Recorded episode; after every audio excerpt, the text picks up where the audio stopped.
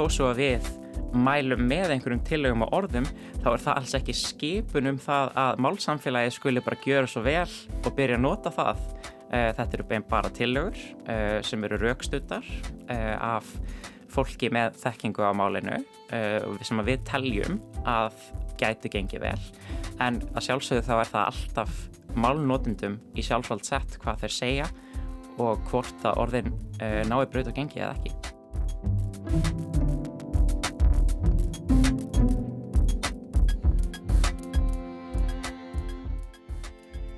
Mikil gróska er í gerð nýjirða út um allt málsamfélagið.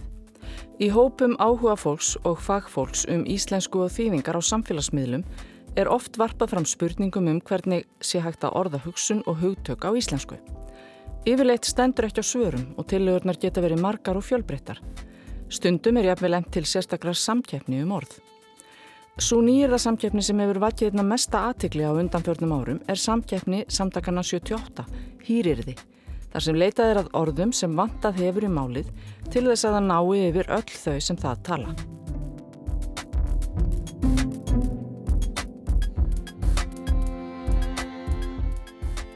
Þetta er orð af orði og við erum Guðrún Línberg Guðjónsdóttir og Anna Sigriður Tráinsdóttir.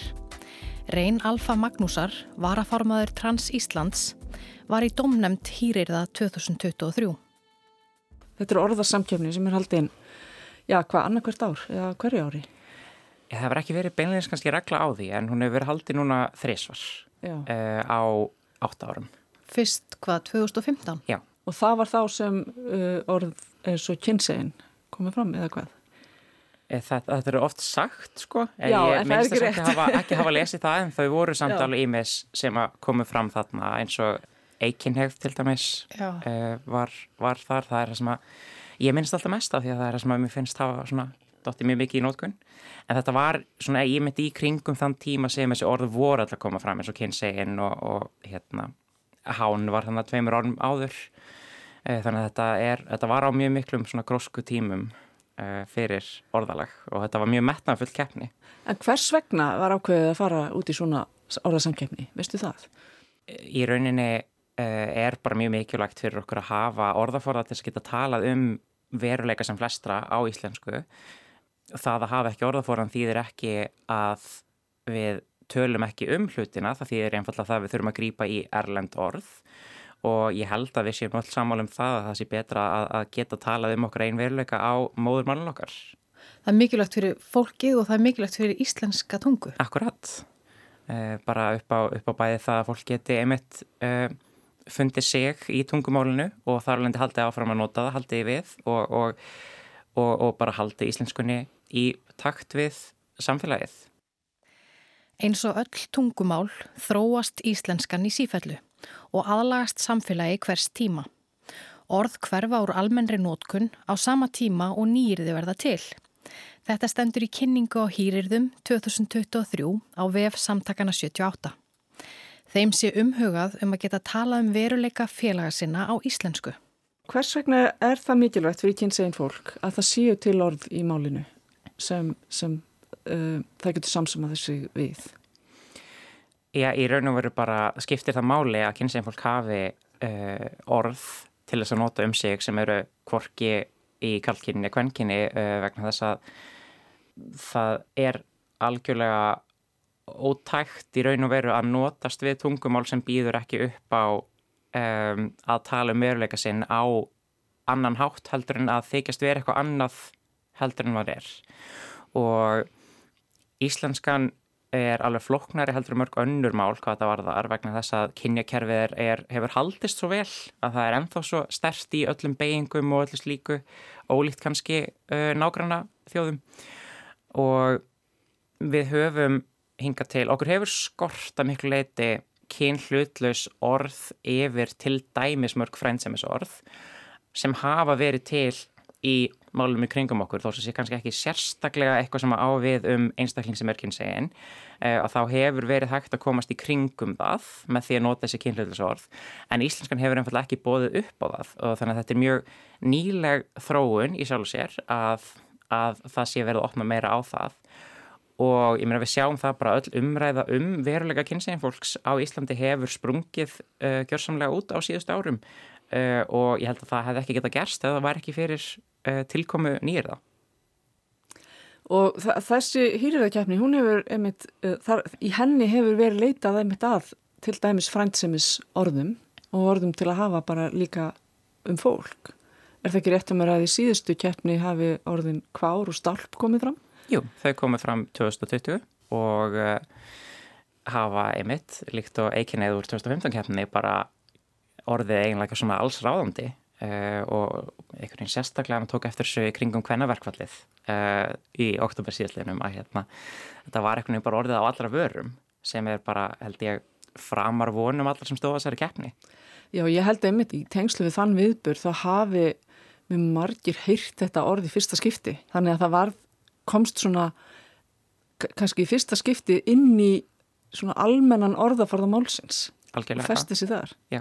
Og jafnvel orði stálp líka sem heyrist samt minna heldur en orði kvár. Og, og fólk já. vildi fara rétt með þetta orð. Það, svona, það var allur gangur á því en það, virt, það var svona, fólk verið að reyna að bara fara rétt með það þegar það var að nota það.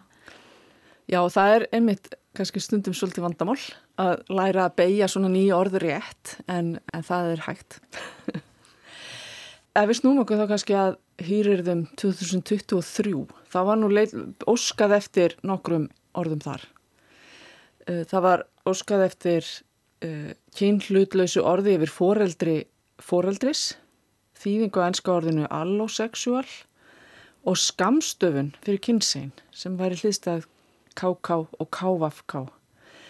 Uh, þið leituðu það fleiri orðum er það ekki, eða þú er kannski í domnendinu þannig að þú veist ekki beint að leita orðunum eða velja þau listan en, en, uh, en þú veist til þess að það var óskað eftir uh, orðum yfir fleiri hluti. Já, við, við óskuðum líka eftir tilögum að ábendingarformunni sambarlegt við sá og sú sem var hægt að nota yfir kynsegin einstakling í svona beitni vísun án þess að þurfa að nota það og síðan auðlistu við líka eftir um, íslenskum hugtökum sem væru sambarilega við fem og mask í ennsku og uh, þessi hugtök sem að uh, þarna er upptalinn við okkur bárustalveg fjölmarklu tilur að uh, útvarslum á þeim en við treystum okkur ekki til þess að velja einhverju ákveðnar tilur og leggja þar fram. En einhver síður þá fór fram mikil umræða um tilugunar sem komið fram. Eh, raunar eh, talsveit meiri umræða um þær heldur en það sem síðan lögum fram eh, í rauninni til samfélagsins. Og hugmyndin á baku það er í rauninni bara að láta málsamfélagið hafa okkar vinnu eh, sem að fór fram í nefndinni eh, útskýra af hverju við völdum engar ásum tillögum útskýra hvaða vankanta við fundum á ákveðnum tillögum ánþess þó að vera að halda því fram að þar með séu þeir ótækar heldur bara að það að við treystum okkur ekki til þess að mæla með þeim en við viljum í rauninu bara leggja í hendur mál samfélagsins að vinna áfram með okkar vinnu og, og prófa sér áfram og, og vonandi getur það þróast upp í síðan eitthvað sem kemst í almenna nótkunn. En þessi, þessi orð sérstaklega ábendingafornarnið voru mjög snúin og það er náttúrulega mjög flóki mál uh, að sjálfsögðu að ætla sér að bæta við orði í svona kyrfilega flókin og, og óreglulegan orðflokk og það sem hefur kallað lokaðan það sem hefur verið kallað lokað það er svo sem hefur verið sagt um persónuforminni líka uh, sem að hefur þó tekist aðeins betur til en ábendingaforminni eru, eru mjög snúin Nýður hýrir það voru kynntar á degi íslenskrar tungu 16. november. Í domnemnd sátu auk reyns Ásta Kristín Bendiktsdóttir, lektor í íslenskum samtímabókmyndum við Háskóla Íslands, Einar Freyr Sigursson, rannsóknarlektor á orðfræðisviði árnastofnunar og Þórhildur Elinardóttir Magnúsdóttir frá samtökunum 78. Það var samhljóða niður staðadómnemdar að mæla með tveimur nýjörðum og einni nýri skamstöfun. Fyrst árið og það sem kannski held ég að eh, veki svona mesta aðtegli meðal almennings, það er orðið stórfóreldri eh, og það hefur svona, já, maður tekið eftir því að það hefur verið held ég svona eh, helsta fyrirsögnin í, í þeim fréttum sem hafa verið skrifaður upp á þessu eh, og það sem þetta er það sem við völdum sem uh, kynhlutlast orð yfir fólöldi fóröldris og við ákvaðum í rauninni í vinnun domnæmdarinnar að skipta uh, því þeim flokki í tvo flokka, undirflokka. Uh, vegna þess að við fengum, það var mjög tvískipt greinilegt millir tillagna, hvort það væri verið að leggja til svona formlegra heiti eins og stórfórildri er eða hvort það væri verið að leggja til eitthvað sem væri meira svona ávarp uh, svipað að múafi og niðurstafan var að við ákveðum að mæla með orði í formlega floknum uh, sem er þetta stórfórildri um, þetta hefur bara samsverun við orð í málum í kringum okkur eins og til dæmis í þísku, hollensku, ennsku uh, og einhverju leiti Norrlandamálum þó að það sé talað um beste fórildri Uh, við ákvaðum að velja mitt ekki tilöguna best, besta fóreldri eða góð fóreldri vegna þess að það hefur mjög svona ákveðin jákvæð tengsl og við erum mjög meðvituð um það að því meður á ekki allt fólk í jákvæðum tengslum við stórfóreldri sín og uh, við vildum þess vegna ekki velja eitthvað með eindreinu jákvæðri merkingu. Þetta hefur líka tengingu við stórfjölskyldu sem okkur finnst mjög góð og leysir að mörg, mörguleiti vanda sem að aðra tilögur hafðu eins og til dæmis fórfóreldri og langfóreldri uh, sem er rauninni það að, að það er aldrei óljóst hvaða ætlið er verið að vísa í. Það sem að uh, langfóreldri á það til að skiljast sem fóreldri, fóreldris, fóreldris uh, sambarlegt langama og langafi og svo þetta eru til forfæðir og formóðir í mólinu sem þýða allt annað heldur en er verið að reyna að leitast við að fanga í, með þessu orði og þetta auðvitað bæði uppfyllir þann tilgang að geta virkað sem hugtak yfir þá kynsegin uh, eh, fóröldri fóröldris uh, og að vera sapnhugtak yfir þennan ætlið, yfir uh, fóröldra fóröldra sem að hinga til hefur skort. Það hefur ekki verið hægt að vísa til þeirra með einu orði heldur hefur alltaf þurft að segja ömur og afar og okkur þykir mjög starta að hafa eitt orð yfir þetta sem að virkar í akademiskum tilgangi og fellur svona vel í rauninni að málinu. Já, það, það bara var almenn samstæða í domnefndin um það að þetta væri heppilegt og, og, og myndi öruglega bara reyðja sér vel rúms. Hlustendur kannast kannski við netmiðla fárið fyrra árinu sem var þegar samtökun 78 auglýstu nýjirða samkjafnina og óskuð eftir tillögum að kynhlutlausu nafnorði sem samsvarar orðunum amma og afi. Því var meðal annars haldið fram að nýju kynhlutlausu orði væri ætlað að koma í staðin fyrir amma og afi og að þeim gömlu góðu orðum ætti að útrýma. En það stóð vitanlega aldrei til. Við spurðum reyn hvort hán hefði orðið vart við þennan óróa. Já, heldur betur bara í, í samfélagsumröðinu, í hérna, uh, fréttum og, og kommentarkerfum út um allt, þá, þá var var mjög mikið um þetta. Og maður veit aldrei svona hversu mikið er miskilningur og hversu mikið er viljandi miskilningur en eh, ég meina það var náttúrulega bara tekið vel á þessu alls þar þar sem var gafst eitthvað tækifæri til þess að tala við domnefndamæðlimi eða, eða eh, annars líkt en auðvitað þá þá er bara af og frá að þetta sé ykkur bóðað ofan um að, um að það eigi að nota ykkur ákveðin orð og önnur ekki. Það var náttúrulega aldrei aldrei neinn hugsun að þetta skipt út am og afi. Uh, bara okkur dreymir ekki um það. Þetta snýst einfallega um það að bæta við valmöguleika fyrir þau sem að falla ekki undir það. Og líka eins og ég var að minnast á að búa til þetta samhugtak sem að okkur hefur vantað og getur gagnast mjög vel til dæmis í akademiskum og lagalegum skilningi.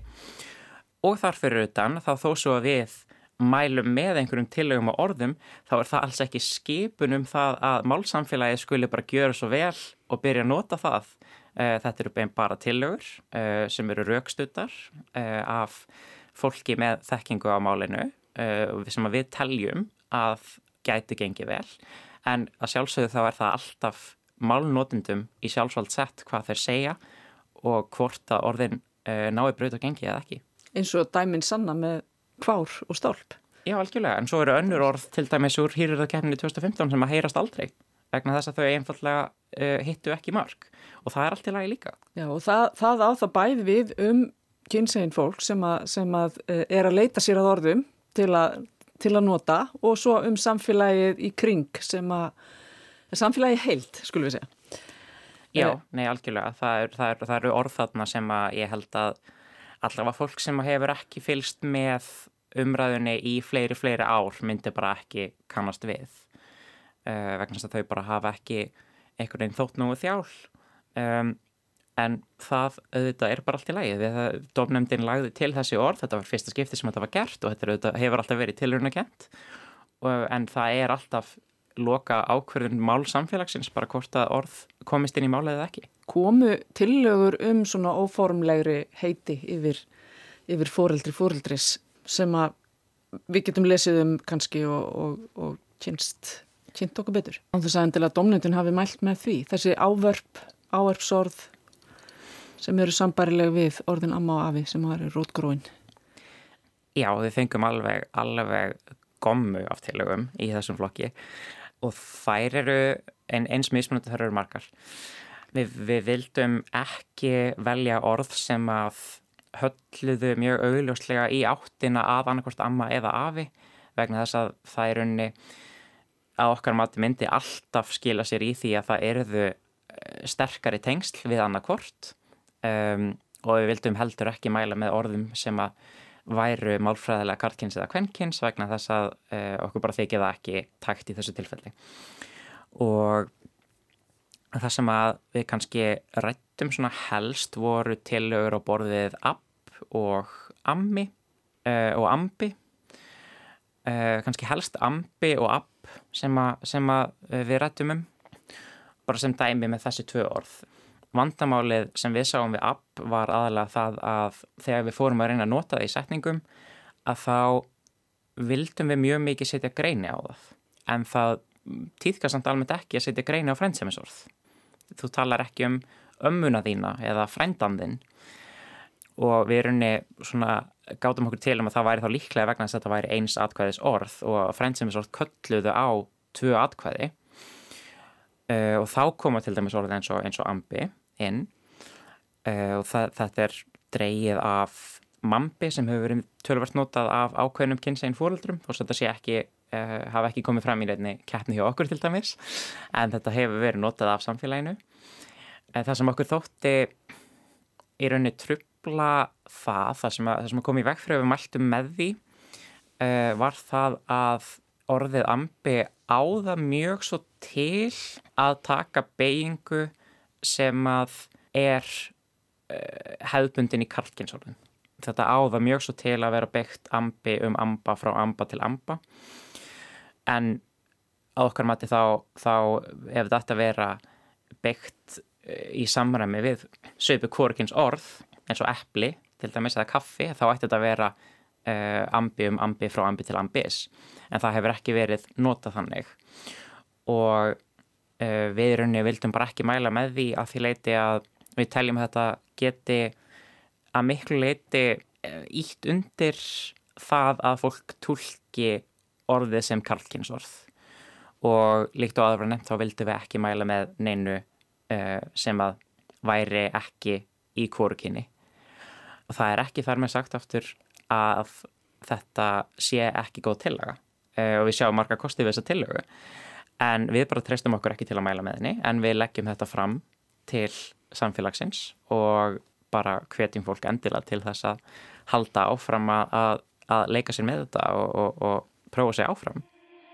Borganróði og stjárnurík Rósa ilmur og augna blík Lesi eigin þín og splöð og lifið þér að horfa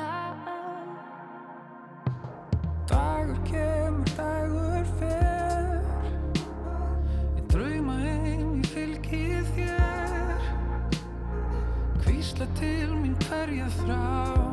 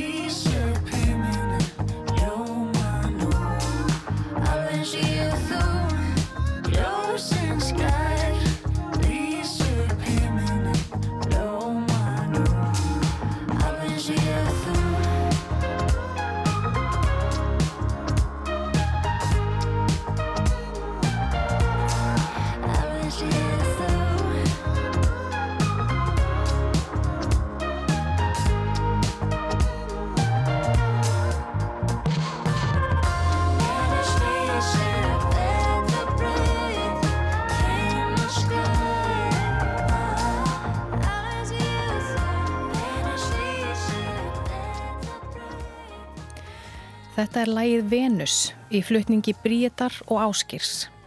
Þú ert að hlusta á orð af orði um nýjirðasmíð samtakana 78 og hýrirðarsamkeppnina 2023. Það var svo líka óskað eftir nýju orði, nýju íslensku orði sem þýðingu á enska orðinu allosexual. Og nú veit ég að mörgum finnst svona rugglingslegt allar þessar kynneigðir sem eru komnar einhvern veginn upp á yfirborðið í um, almenni umræðu og hvað, hver er munurinn á kynvítund, kyntjáningu, kynneigð og svo framvegs.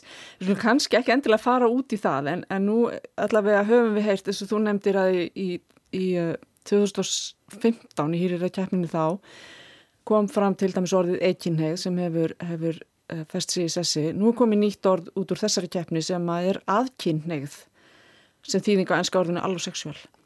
Getur aðeins útskýrt fyrir okkur uh, hvað aðkynneigð er? Já, þú nefndir eikinnið hérna á 2015 um, sem er, uh, var í rauninni óskað eftir uh, sem uh, þá þýðingu á asexual á einsku og eins og með allar þessar keppnir þá yfirleitt er það þannig að ennsku hugtökin eða erlendu hugtökin eru notuð og markmiðið með keppninni er að fá íslensku hugtök í staðinn og uh, eikinnhegð eins og segir hefur náð mikil fótfæstu uh, og, og vísar sem sagt til þá einstaklinga sem að laðast lítið eða ekkert kynferðslega að öðru fólki. Allosexual er rauninni bara anteiti við eikinnhegð uh, og er orð yfir meira hluta samfélagið, uh, þau sem að þá laðast kynferðslega að öðru fólki og það hefur skort þetta hugtak uh, í íslenskunni til þess að geta vísa til uh, þeirra sem ekki eru eikinniðir án þess að þurfa að segja ekki eikinniðir, án þess að þurfa að vera að neyta einhvern veginn hugtakinu sem að er yfir það sem er það, það sem er aldrei að vera annað heldur en normið. Og þetta er rauninni bara sambælegt á því að vera með orð eins og uh, sís á móti trans og að vera með gagkinnið á móti samkinnið um, að það er bara mjög mikilvægt að, að geta vísa til hópa fólks án þess að vera einhvern veginn að gera svona án þess í rauninni að vera að stilla öðrum hópnum upp sem, uh, sem, sem fráviki frá hinn.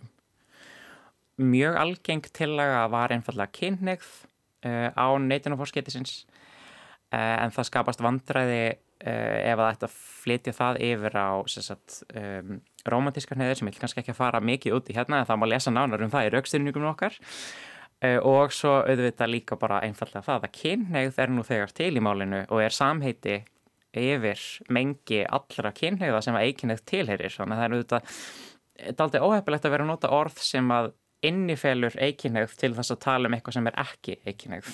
Þriðja tillagan frá dónendinni, hún varðar ekki beint orð, nýjirði eða þýningu, heldur, heldur nánast málfræði skamstöfun líku við. Já, það er sem sagt kom upp, uh, við sagt byrjuðum á því að þetta var svona tveggja uh, fasa uh, ferli, að við byrjuðum á því að óska eftir tillögum að hugtökum eða þýðingum sem vantaði í málið. Völdum síðan úr því og óskuðum eftir tillögum að hver útfæslan á því ætti að vera. Og uh, eitt af því sem við auglistum eftir var skamstöfun á kynsegin og þetta er rauninni hugsa þá til þess að nota aðalega í eigðublöðum og í uh, svona stjórnsýslulegum tilgangi uh, til þess að geta haft bara ákveðna skamstöfum til þess að sé ekki, ekki misræmi milli kannski stopnana eða skjala hvernig kyn er mert inn. Rétt eins og það er bara algilt að KK og KFK eru nótið yfir kalkin og kvenkin eh, að þá fannst okkur vanta eitthvað þriðið en nú það sem að, ég meina, lögaðalum er skilt að skrá þriðju kynskráningu og við fengum ímsar tillögur af þessu en svo lang algengasta, það var 81 sem að senda hann inn, var KS og þetta var svo tillega sem að einhvern veginn fór fram lang minnst umræða um innan dómnefndar og, og við einhvern veginn vorum bara öll sammála frá upphafi um að þetta væri augljóst, uh, augljóst niðurstaða. Já, þetta var svona aðalega sett fram í þeim tilgangi að staðla bara hvernig ætti að, að merkja uh, kynsegin fólk til dæmis á eðublöðum. Það sem er núna uh, eða hefur verið þá kemur sko KK, KFK og svo annað Já. sem kannski gengur ekki það er, og þá erum við komin út í allt annað form Já, þá, þá hefur verið að breyta forminu og svo þetta það að einhver staðar geti staðið annað, einhver staðar geti staðið kynsegin, einhver staðar geti staðið kynsegin skástrík annað, en með því að bara leggja þetta til að þá e- eru stofnanir og fyrirtæki bara komin með í raunni leiðbenningar um það hvernig þau að gera þetta og þá er þetta staðalað og það einfaldar allan samgang milli kerfa á stofnana og bara einfaldar skilning á gögnum. Þa, það var bara þörfu á þessu vegna að þetta hefur verið mjög happa glapp og bara hefur verið mismunandi eftir því hver er að skrá en með því að bara setja þetta fram þá getum við sagt að, að, að svona eigi að gera þetta. Þetta er bara svipað og það samtökun 78 og Trans Ísland gáfu út leifinningar fyrir nokkrum árum um hvernig ætti að skrá kyn uh, á eðublöðum þar sem er verið að spyrja út í uh, hitt og þetta og, og bara eftir ólíkum þörfum hvers og eins. Þetta er unni bara sambarlegt við það til þess að til þess að það sé svona til eitthvað sniðmátt sem er hægt að fara eftir. Dómnefnd hýrir það 2023 mælir sem sagt með nýjirðinu stórfóreldri, kynhlutlausu orði yfir fóreldri fóreldris, þýðingunni aðkynneið og skamstöfurinni KS fyrir kynsegin sem er hliðstæð KK og KFK fyrir karlkyn og kvenkyn. Og dómnefndin setur þar að auki fram ímsar góðar og gaglegar vangaveltur um önnur orð. Er góð þáttaka? Fáið þið margar tillugur? Fenguð þið margar tillugur? Við fengum á þriðja hundrað einsendingar, sem sagt frá á þriðja hundrað einstaklinga sem, a, sem að sendu inn tillögur. Það var misjant hvort að fólk sendi inn tillögur að öllum orðunum, uh, nokkrum orðum, einu orði, en einsendingar voru í rétt um 300, tæplega 300, uh, sem er bara mjög góð þáttaka að, að mínum mati allavega. Þetta var nóg af efni til þess að vinna úr og, og hérna þurftum að taka þetta alveg í mörgum skrefum. Uh, þannig að við allavega erum bara mjög sátt við uh, þáttökuna í, í ár. Lesa má um niður stöður hýrir það 2023 á frétta síðunni á VF samtakana 78 og þar er líka hægt að nálgast raukstuðning domnemdar.